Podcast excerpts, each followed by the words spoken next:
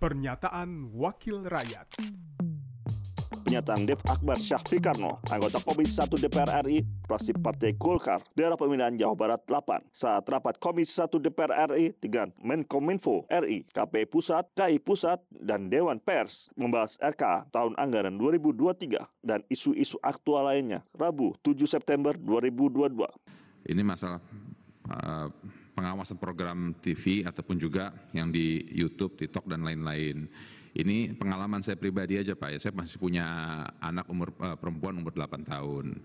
Nah, di usia yang sangat dini saja ya, dia sudah tahu berbagai macam jenis-jenis minuman keras, uh, lalu apa namanya uh, yang hal-hal yang berbau LGBT uh, dan juga hal-hal yang tidak senonoh ya sebenarnya. Ya saya jujur saya agak malu sebagai orang tua gitu. Kayak merasa merasa gagal. Kenapa? Karena saya masih gagal dalam melindungi anak saya terekspos terhadap hal tersebut. Nah ini yang saya minta apakah ada program yang jelas karena ini udah bulak balik kita tanyakan juga di, di rapat ini dengan Kominfo. Nah, ini perlindungan terhadap anak-anak um, di dengan apa namanya platform-platform YouTube eh, dan lain-lain itu bagaimana? Nah, karena Cina berhasil, Cina bisa ngeblok itu semua. Nah, liberasa, uh, liberalisasi di Indonesia itu memang sudah luar biasa. Itu berkaitan juga dengan perkembangan demokrasi.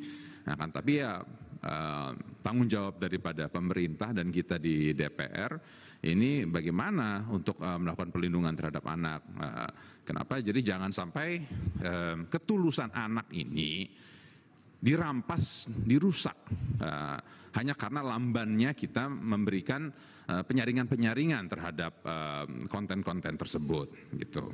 Pernyataan Dev Akbar Syahfikarno, anggota Komisi 1 DPR RI, fraksi Partai Golkar, daerah pemilihan Jawa Barat 8, produksi TV dan radio Parlemen, Biro Pemerintahan Parlemen, Sekjen DPR RI. Pernyataan Wakil Rakyat.